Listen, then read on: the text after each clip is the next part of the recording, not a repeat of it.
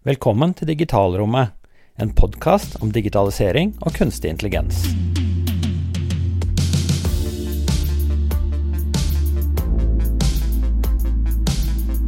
Da er vi klare med nok en episode av Digitalrommet, en podkast om digitalisering og kunstig intelligens. Og I dag har jeg vært så heldig å få komme til Digital Norway eh, og få snakke med deg, Eirik Andreassen, som er leder for teknologi og Bedriftsnettverk. bedriftsnettverk. Ja. Ja.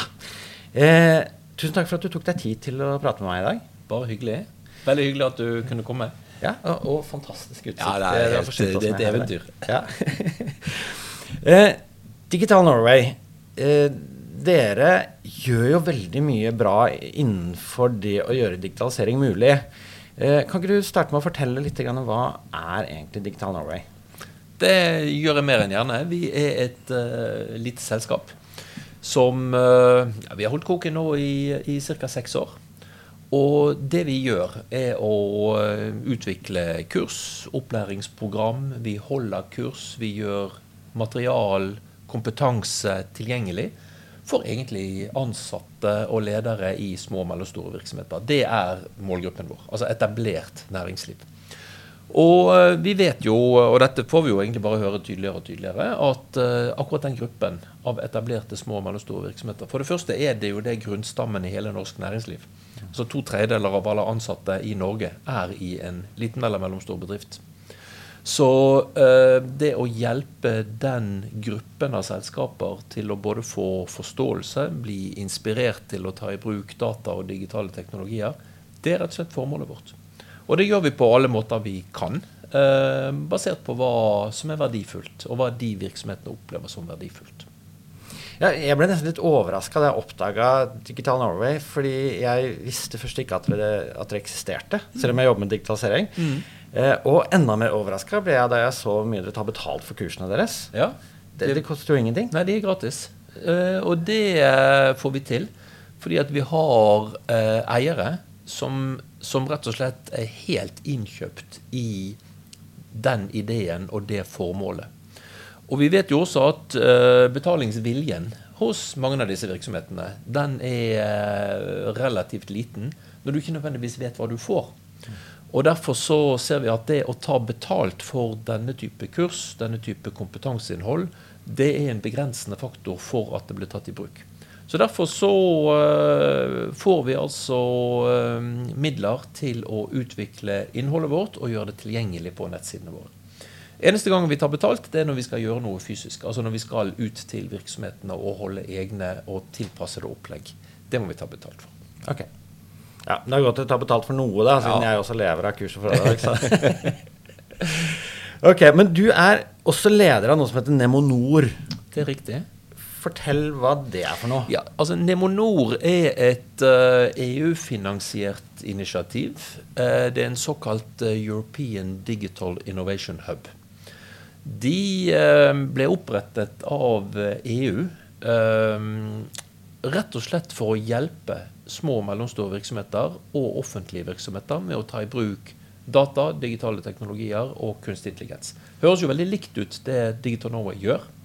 Og det er det også. fordi at eh, i EU har man akkurat samme utfordringen. Det fins totalt eh, litt over 200 eddier, som det heter, i hele Europa. Eh, I Norge har vi to. Vi har den som heter Nemonor, som jeg leder. Og så har vi en som heter Oceanapolis, som ledes av Norse. Um, men som sagt, vi samarbeider tett. Og det vi samarbeider om, det er å for det første utvikle et kompetanseprogram. Men vi går også litt videre. For vi, vi hjelper enkeltvirksomheter også med å ta i bruk og finne ut om de har data som egner seg. Vi gjør såkalte feasibility studies. Og vi undersøker om det er eh, om det er noe vi kan hjelpe dem med rundt det regulatoriske, rundt nettverk og rundt partnerskap og sånne ting. Så det er rett og slett et uh, Kall det gjerne en hub eller et nettverk som skal hjelpe virksomheter med å ta i bruk teknologi. Og det er jo basert på at eh, det har vært utrolig mye forskning som har foregått i Europa eh, over de siste 20-30-40 årene. Men altfor lite av det når virksomheter og næringslivet. Så det er liksom en, en egen hensikt med Nemonor. Jeg kan skrive under på det, for selv jeg som jobber med det, jeg oppdager jo stadig vekk nye ting jeg sitter og researcher, og så dukker det opp nye ja, Sånn som Nemonor, da.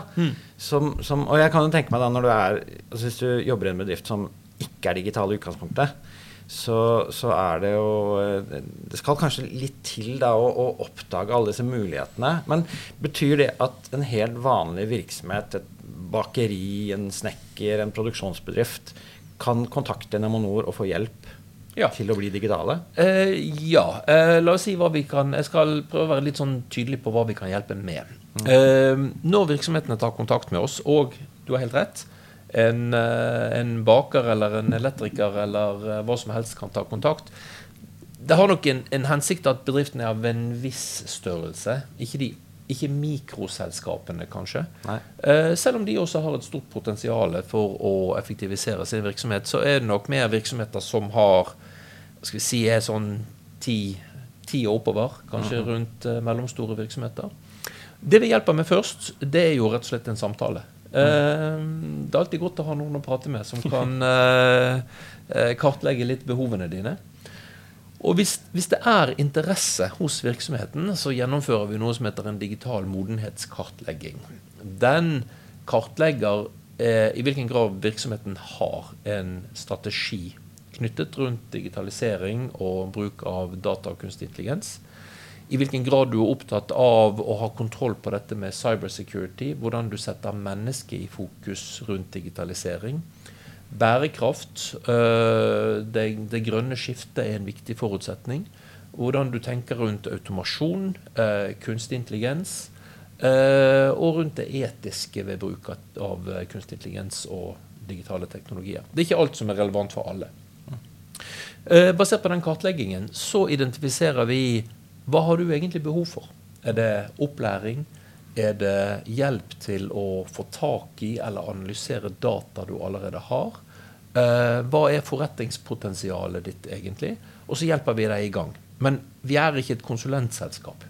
Så vi hjelper deg ikke med helt frem til ferdige løsninger er implementert i egen virksomhet.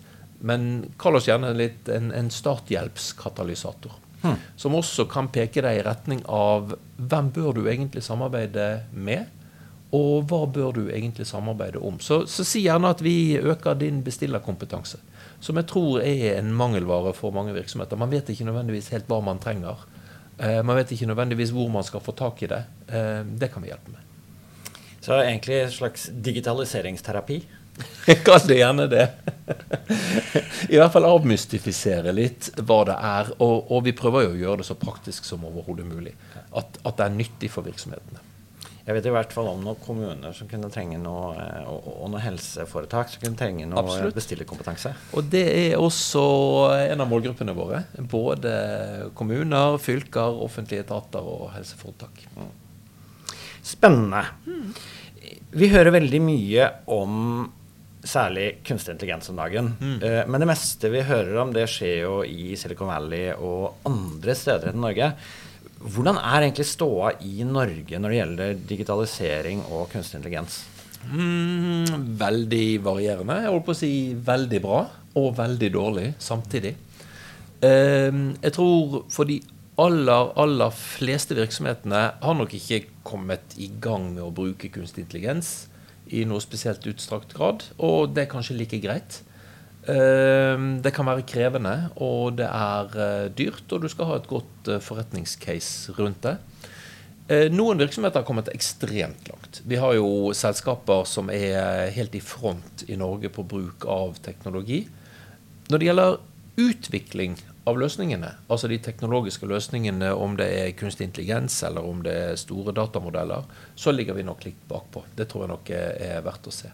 Det er veldig eh, det som skjer i Silicon Valley, og de uh, investeringene som gjøres der, kan vi på ingen måte matche i, i Norge. Så derfor er vi nok en, en nasjon som må kanskje fokusere mest på hvordan vi kan bli de beste til å bruke teknologien på en innovativ, bærekraftig og effektiv måte.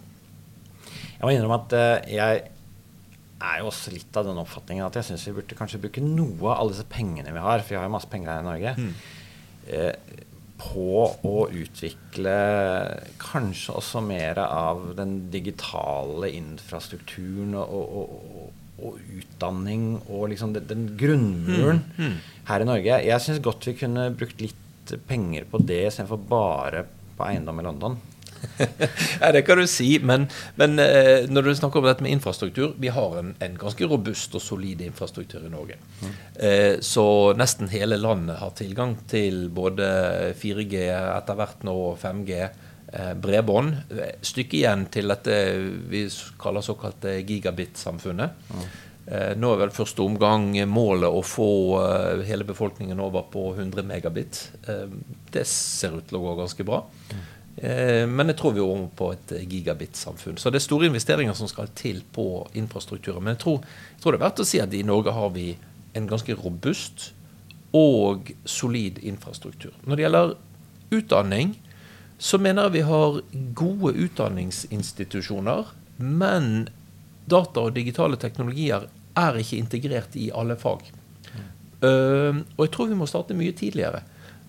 Det er nesten som matematikk og norsk. Det er en del av hverdagen vår. Om, altså vi omgir oss med data og digitale teknologier. Og for barn så holder det egentlig ikke bare med en iPad. Du må forstå hvordan den virker, du må forstå hvordan teknologien virker. Og du må på en måte også, kanskje det aller viktigste, da, det å utvikle en litt større grad av kritisk sans. Og litt større grad av tenkning rundt hvordan dette kan komme til nytte i måter vi, vi, jobber på. Nå tar vi litt for mye for gitt, og vi har et litt sånn ubevisst forhold til hvordan teknologien brukes, og hvordan vi tar den i bruk. Jeg syns vi må uppe det litt. Og spesielt den kritiske sansen, som vi har blitt utfordret veldig på nå med eh, generativ kunstig intelligens. Hva er sant, hva er ikke sant? Muligheter for deepfakes, muligheter for å bli lurt eh, trill rundt av, eh, av kunnskapsarbeidere med skal vi si, uærlige hensikter. Vi trenger nok å, å, eh, utvikle en mye større grad av robusthet rundt hvordan vi, vi uh, bruker teknologien. Og det gjelder alle fag. Om du er jurist eller uh, samfunnsøkonom, eller om du er uh, det er humaniora som er fagene dine, så, så, trenger du den grunnleggende kompetansen. Ja, Det er et veldig godt poeng, egentlig. fordi jeg også mener at det er altfor mye frykt eller det spres mye frykt mm. knyttet til kanskje særlig kunstig intelligens om dagen. Eh, og vi er, vil være bedre tjent ved heller å se på hvordan kan vi håndtere disse eh, temaene som hallusinering f.eks. Mm. Eh, Istedenfor å spre en frykt for at å nei, nå kommer verden til å gå under for man kan lage deepfakes, mm. eller nå kommer så og så mange til å miste jobben.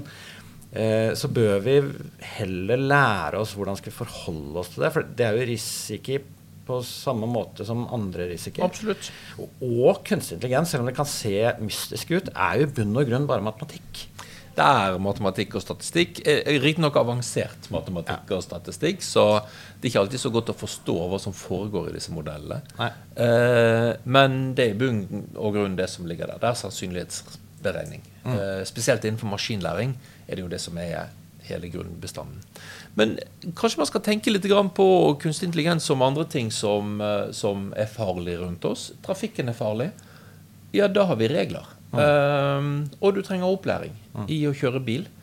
Med kunstig intelligens og det som er kanskje litt av utfordringen rundt data og digitale teknologier Altså, Når du løper ut i veien foran en bil, så skjønner du at det er farlig. Mm. Altså, du, du, trenger ikke tenke på det. Du, du, skjønner det med en gang. Vi har ikke en tilsvarende intuisjon for det som er farlig når det gjelder f.eks.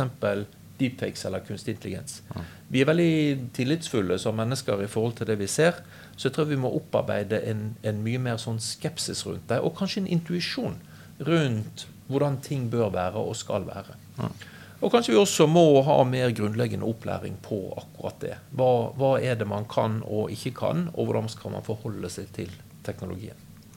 Men så er det jo veldig mange, kanskje de fleste bedriftene i Norge, de er jo ikke digitale. i utgangspunktet. De ser ikke på seg selv som digitale mm, bedrifter. Hvordan kan digitalisering og kunstig intelligens være til nytte for bedrifter som ikke er digitale? En snekker, en produksjonsbedrift, en, hva det måtte være? Det, altså jeg tror eh, man, man, må jo starte med å for det første forstå litt av hva som er muligheten i teknologien. Altså Lære seg liksom de, de, grunnleggende elementene før man klarer å internalisere mulighetene for seg selv. Men, men hvis vi liksom tenker på en, en snekker eller en håndverker eller uh, andre typer virksomheter um, Hvor mye tid i løpet av en dag er det de bruker på å ikke snekre? Uh, de, har, de, skal føre regnskap, de skal uh, utbetale lønn. Det er sykelønnsordninger, de skal planlegge, de skal lage tilbud. Det er veldig mye av dagen som egentlig går med til andre ting. Jeg tror det er der de må starte. De må se på de prosessene sine og, hvordan de kan effektiviseres. For egentlig å frigjøre enda mer tid til å snekre. Det er jo det som er det inntektsbringende. sant? Mm. Det er det samme som flyselskapene har tenkt på. Du tjener ikke penger på at flyet står i bakken. Du, du, tjener penger på at flyet er i luften og flyr passasjerer. Det er jo det du betaler for. Så det å utnytte den kapasiteten som snekker, det er det du skal gjøre. Ja, hva kan du da effektivisere av den jobben som kanskje ikke er så gøy å gjøre? Eh, når det du har lyst til å gjøre, er å være på en effektiv byggeplass. Mm. Og jeg tror man må tenke litt på det sånn. Du skal ikke effektivisere eh, hamringen og skruingen. Det du skal effektivisere, er prosessene rundt. For at de skal bli så effektive som mulig. Og der har alle enormt mye å hente.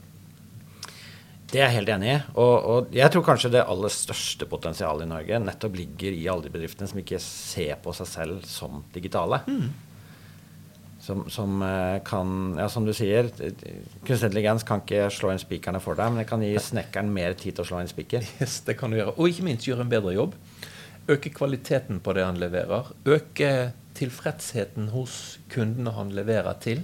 Noe som er bra for butikken, og ikke minst bra for velværet. Det er bra for uh, det, det er jo en god følelse å gjøre en god jobb. Mm, mm, ja. eh, overfor eh, kundene sine. Eh, du kan øke sikkerheten på arbeidsplassen. Altså Mange har jobber som er skal ikke si farlige, men, men alt fra belastningsskader til direkte farer. Jo mer kunnskap du får om hvordan du skal jobbe, og jo mer tilgjengelig prosessen er rundt det, jeg tror det er masse å hente. Nesten i, i alle prosesser. Hva, hva, tror du kan være konsekvensen av ikke tenker på digitalisering, eh, også for de som ikke er digitale. Mm. Tror du det, tror du, altså en, en, bedrift som tenker at nei, jeg, jeg venter litt til, jeg. Mm. Det, det, jeg, jeg, er for endring, men ikke på min vakt. Nei, nettopp. Hva tror du kan være konsekvensen av det? Nei, altså Det er jo mange som uh, tenker på det. Så, mm. så er det jo de du konkurrerer med. Så du blir på en måte ikke utkonkurrert av kunstig intelligens. Du blir utkonkurrert av en bedrift som bruker kunstig intelligens. Eh, og eh, jo lengre du venter og, og, med å komme i gang, jo større forsprang gir du egentlig konkurrentene dine. Um, ja, altså Mange vil klare seg, men jeg tror det blir tøffere og tøffere. Og skiftet skjer ikke over natten, og det er ikke sånn at alle tog har gått.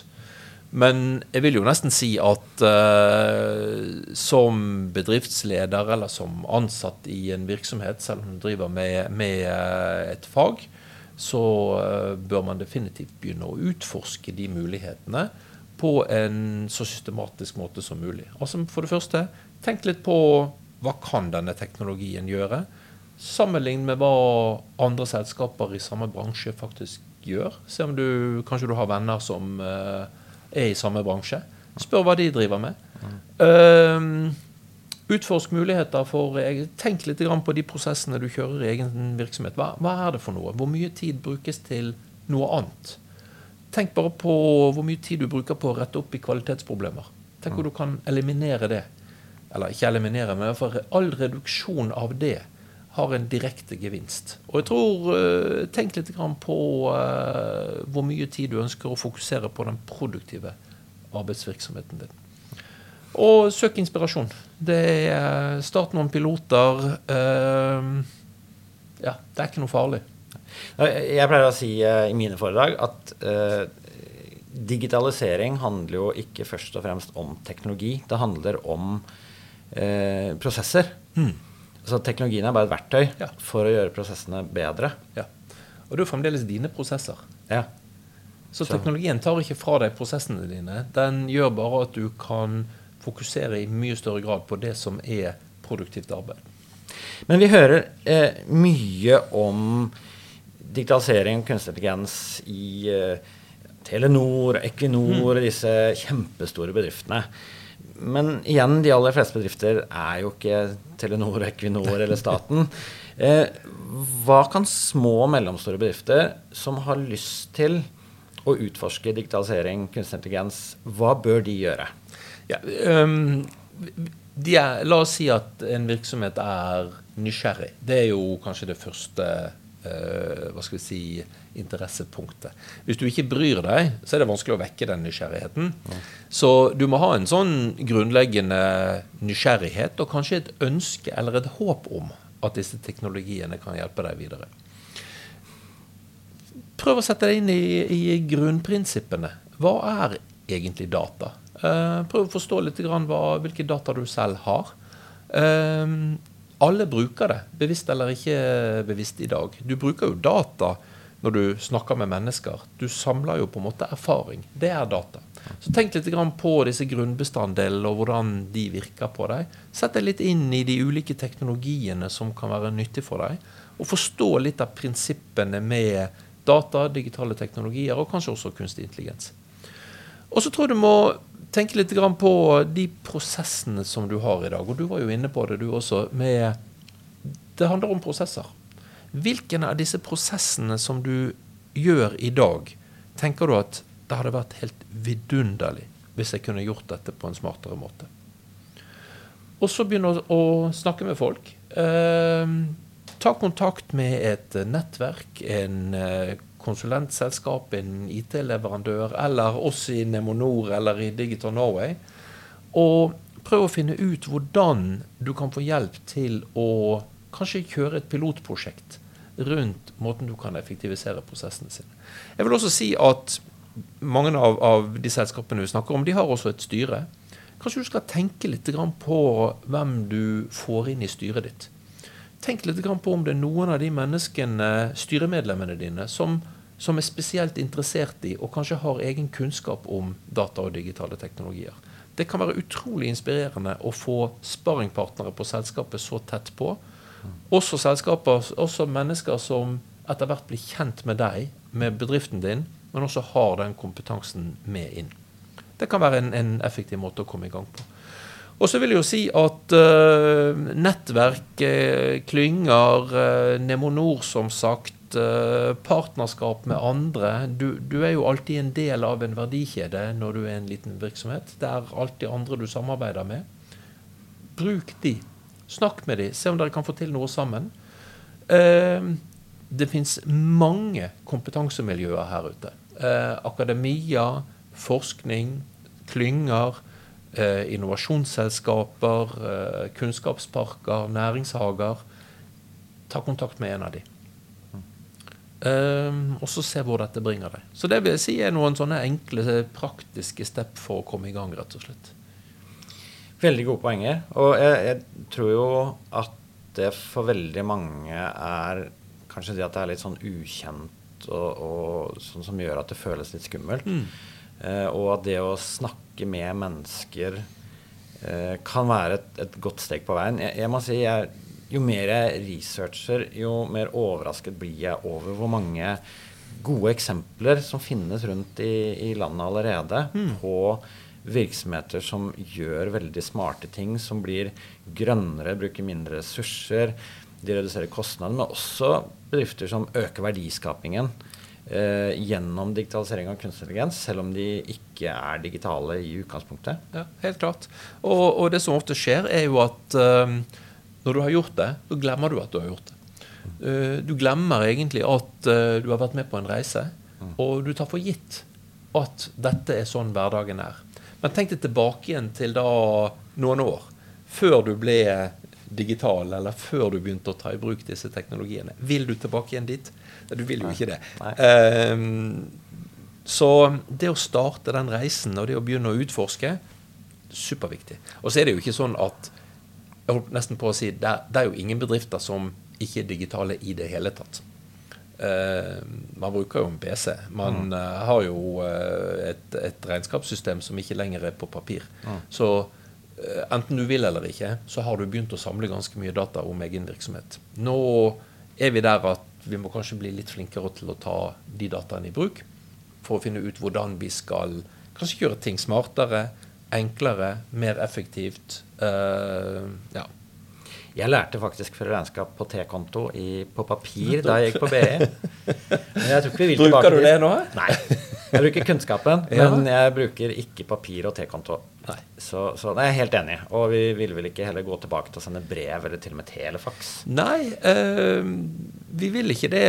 Og, og, vi skriver heller ikke notater for hånd. Altså så, så vi samler data. Altså mm. Gjennom alt vi gjør gjennom hverdagen vår, så samler vi data. Og den kan potensielt ha en verdi. Vi snakker jo veldig ofte om at eh, data er den nye oljen og det nye gullet. Eh, det er mulig, det, eh, men da må du bruke den. Mm. Eh, den har ingen verdi hvis den bare blir liggende i en database. Så, så det er jo det det handler om. NHO kommer i disse dager med en ny rapport om kunstig intelligens. Mm.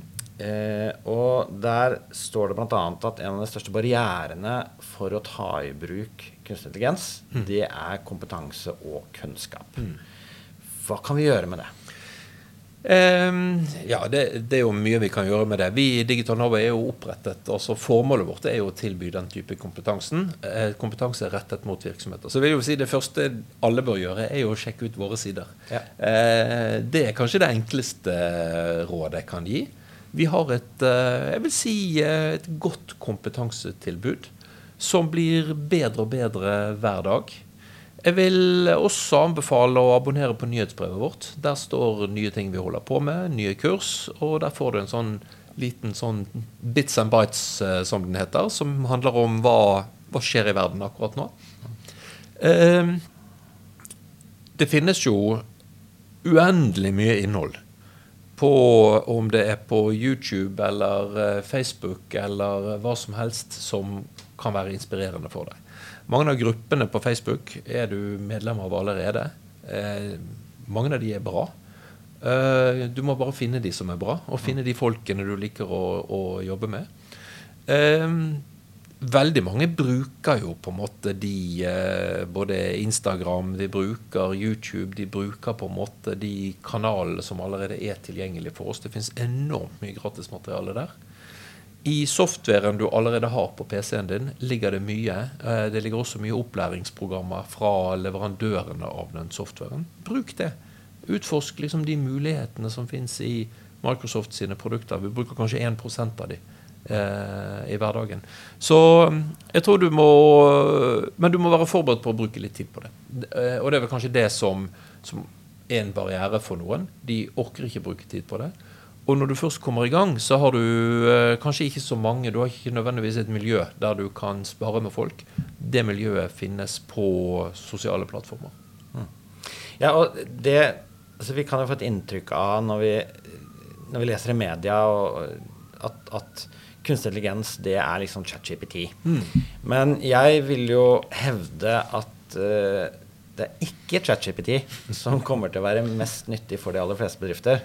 Mm. Det er andre former for kunstig intelligens som kommer til å være mest nyttig for disse bedriftene. Men det kan man kanskje lære om i kursene deres også? Absolutt, det ja. kan du. Og så tror jeg en ting til når det gjelder f.eks. kunstig intelligens. Um, I dag er det litt sånn at du må oppsøke kunstig intelligens. Jeg tror i årene fremover så vil kunstig intelligens oppsøke deg. Uh, den vil bli integrert. Altså teknologien er allerede integrert mange steder. Den vil bli helintegrert i all, alle på en måte devicer vi bruker. Og så ta mikrofonen her, f.eks. Ligger allerede kunstig intelligens i filterfunksjonen til mange av disse mikrofonene. Grunnen til at telefonen din tar bedre bilder nå, handler ikke om bedre kamera, det handler om bedre software og analyse. Så um, jeg tror etter hvert nå så kommer vi i en situasjon der kunstig intelligens er allestedsnærværende. Den vil gi deg noen muligheter som vi rett og slett må lære oss å utnytte og bruke. Men, men eh, når det gjelder f.eks. mer tilpassede løsninger inn mot enkeltselskaper, så er det nok fremdeles maskinlæringsløsninger som vil være det som si, er, vil være grunnlaget for nesten all verdiskaping fremover. ChatGPT er nyttig, og store språkmodeller vil nyttig. Jeg tror ikke vi klarer helt å overskue rekkevidden av hvor nyttig det vil være, og faktisk hva det vil være nyttig til. Det vil bare fremtiden vise. En side av dette med kunstig intelligens som det har vært litt snakk om i det siste, men som vel kanskje kommer til å være et enda større tema framover, det er dette med regulering. Mm. Uh, og rett før jul så ble jo politikerne i EU enige om AI Act, mm. som da skal regulere kunstig intelligens i Europa. Um, hvordan vil dette med regulering påvirke bedrifter som vil ta i bruk kunstig intelligens? Altså, som en vanlig eh, SMB-bedrift i Norge må jeg tenke på dette med regulering og AI Act. og er liksom, Hvordan er det relevant for helt vanlige bedrifter? Eh, akkurat AI Act er nok kanskje ikke så relevant for vanlige bedrifter som skal ta i bruk teknologien. Um, den er nok mer relevant for de som utvikler løsninger eh, med bestemt anvendelse. Altså store offentlige virksomheter for eksempel, som skal lage løsninger som påvirker hverdagen vår. Eh, selskaper som eh, utvikler løsninger f.eks. med kamerateknologi og ansiktsgjenkjenning, vil i høyeste grad bli påvirket av dette. Men de fleste virksomheter som bruker den teknologien, vil nok ikke trenge å forholde seg til AI Act sånn til dagen. Det du derimot uh, må forholde deg til, er et par andre ting. Du må forholde deg til personvern. Uh, når du bruker de dataene som du har samlet inn til noe, så er nettopp det med at du tar personvernet på alvor, viktig. Du vil ikke komme i en situasjon der du har brutt retningslinjene eller reglene for det. Men det er egentlig ikke så vanskelig som mange tror. og Altfor ofte så, så, opplever jeg at uh, man lager barrierer for seg selv i forhold til det med å bruke persondata. Det er ikke det at det er forbudt å bruke personrelaterte data. Du må bare gjøre det på riktig måte. Så sett deg inn i hva som er riktig.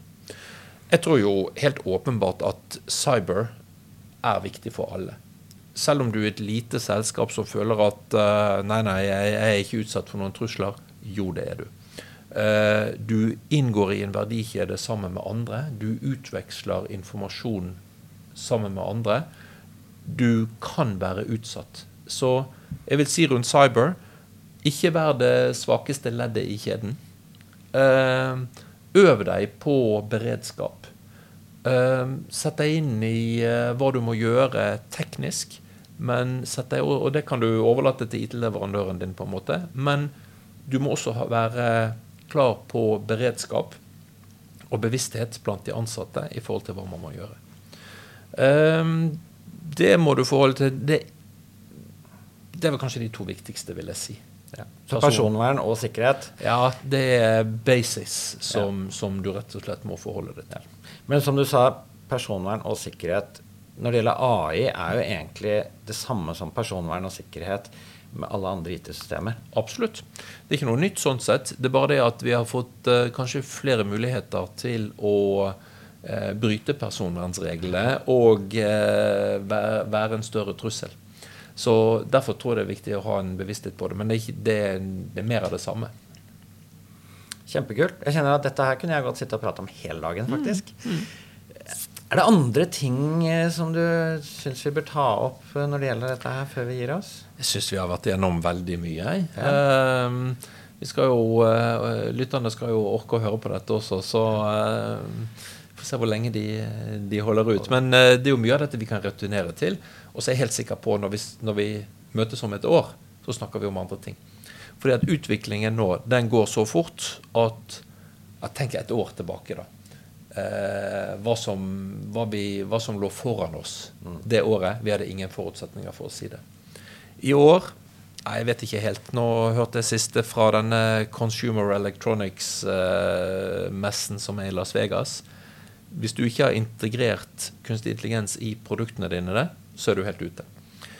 Det er jo ikke So be it, holdt jeg på å si. Det, det tror ikke vi trenger å forholde oss til på en annen måte enn at det gir oss noen nye muligheter. Så la oss utforske de. Um, sånn råd til slutt. Uh, kunstig intelligens, uh, data, digitale teknologier. Det gir oss som kunnskapsarbeidere Det gir oss rett og slett superkrefter, vil jeg si. Uh, grunnen til at vi må passe litt på, det er at det også gir kunnskapsarbeidere med uærlige hensikter superkrefter også. Så der er teknologien helt uh, agnostisk i forhold til hvem som bruker den. Så derfor tror jeg vi trenger å passe ekstra godt på. Og vi trenger også å se mulighetene, for det er alltid noen andre som tar den i bruk uh, ved siden av oss, og som jobber i samme bransje. Men da kan jo kanskje kursene til Digital Norway være et bra utgangspunkt? da? Veldig bra utgangspunkt. Uh, veldig bra startpunkt. Så jeg vil anbefale start der.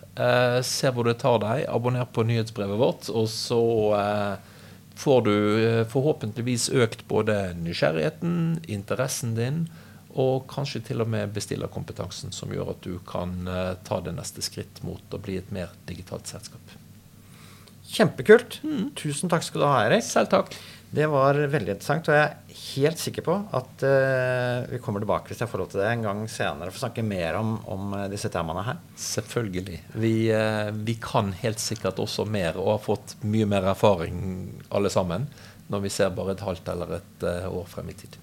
Strålende. Strålende. Da er vi ferdig med nok en episode av Digitalrommet, og så dukker vi plutselig opp igjen med en ny episode snart.